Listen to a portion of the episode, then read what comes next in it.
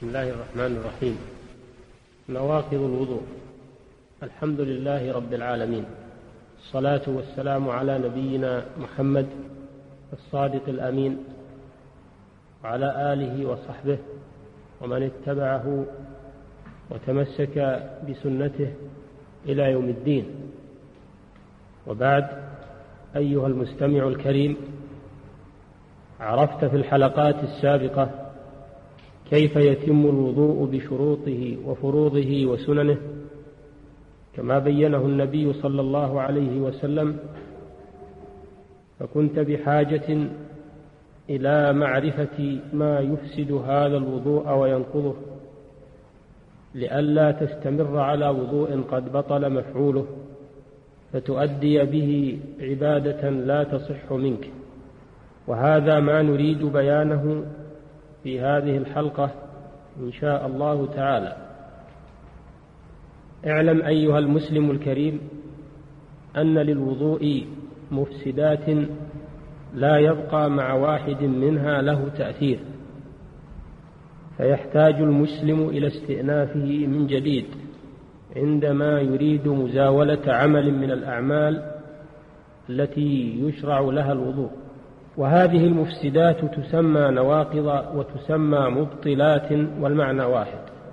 وهذه المفسدات أو النواقض أو المبطلات أمور عينها الشارع. وهي علل تؤثر في إخراج الوضوء عما هو المطلوب منه. وهذه المبطلات إما أحداث تنقض الوضوء بنفسها كالبول والغائط وسائر الخارج من السبيلين وإما أسباب للأحداث بحيث إذا وقعت تكون مظنة لحصول الأحداث كزوال العقل بالنوم والإغماء والجنون فإن زائل العقل لا يحس بما يحصل منه فأقيمت المظنة مقام الحدث. وإليك بيان ذلك بالتفصيل. أولا الخارج من السبيل أي من مخرج البول والغائط. والخارج من السبيل إما أن يكون بولا أو غائطا أو منيا أو مذيا أو دم استحاضة أو ريحا. فإن كان الخارج بولا أو غائطا فهو ناقض للوضوء بالنص والإجماع. قال الله تعالى في موجبات الوضوء أو جاء أحد منكم من الغائط. وفي الحديث أنه أمر صلى الله عليه وسلم بمسح الخف في الوضوء من البول والغائط حيث يقول صلى الله عليه وسلم ولكن من غائط أو بول وإن كان منيا أو مذيا فهو ينقض الوضوء. بدلالة الأحاديث الصحيحة وحكى الإجماع على ذلك ابن المنذر وغيره. وكذا ينقض الوضوء خروج دم الاستحاضة. وهو دم فساد لا دم حيض يخرج من المرأة. لحديث فاطمة بنت أبي حبيش أنها كانت تستحاض فقال لها النبي صلى الله عليه وسلم توضئي وصلي فإنما هو دم عرق. رواه أبو داود والدار قطني. وقال إسناده كلهم ثقات. وكذا ينقض الوضوء خروج الريح. بدلالة الأحاديث الصحيحة وبالإجماع. قال صلى الله عليه وسلم لا يقبل الله صلاة أحدكم إذا أحدث حتى يتوضأ.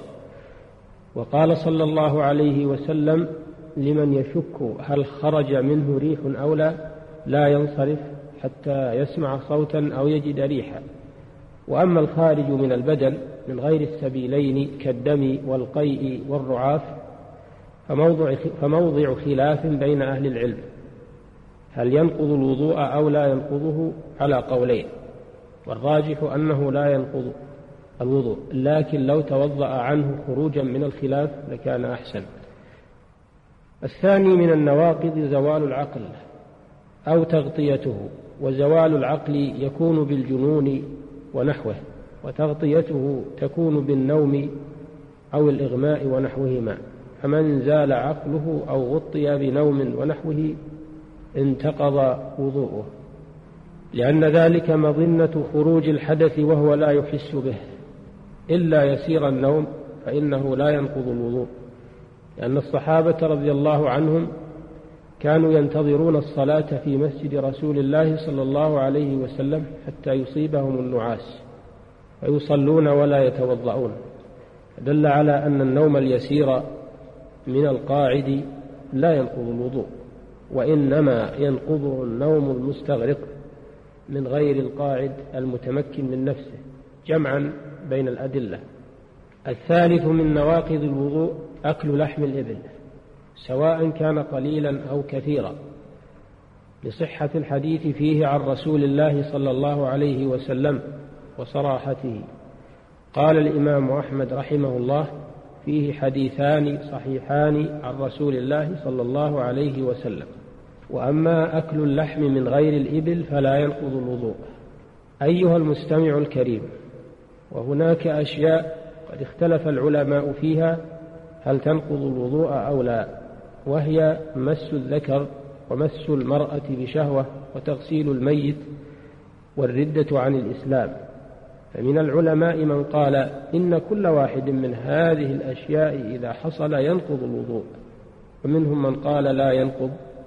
والمسألة محل نظر واجتهاد. لكن لو توضأ من هذه الأشياء خروجا من الخلاف لكان أحسن لكان أحسن وأحوط.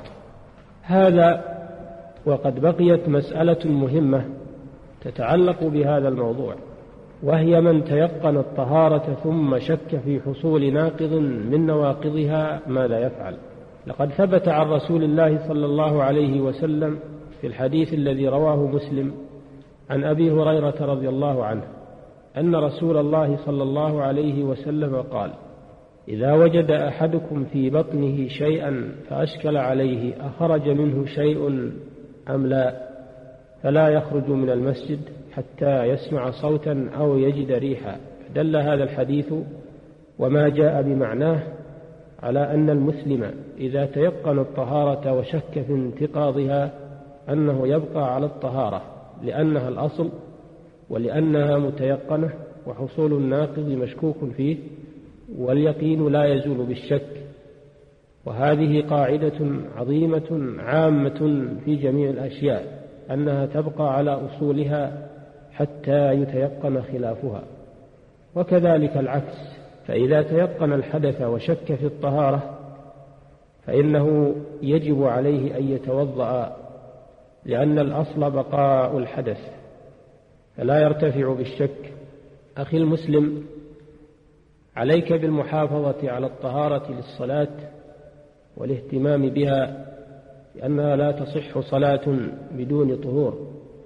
كما يجب عليك أن تحذر من الوسواس وتسلط الشيطان عليك بحيث يخيل إليك انتقاض طهارتك بحيث يخيل إليك الشيطان انتقاض طهارتك ويلبس عليك ويلبس عليك أمر دينك فاستعذ بالله من شره ولا تلتفت إلى وساوسه واسأل الله أن يكفيك شره.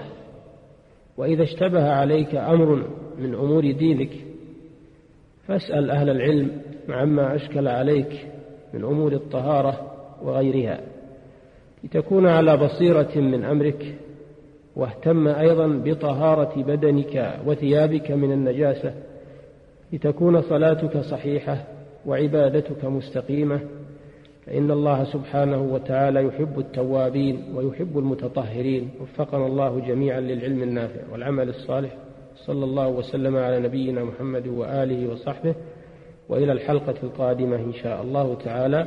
السلام عليكم ورحمة الله وبركاته.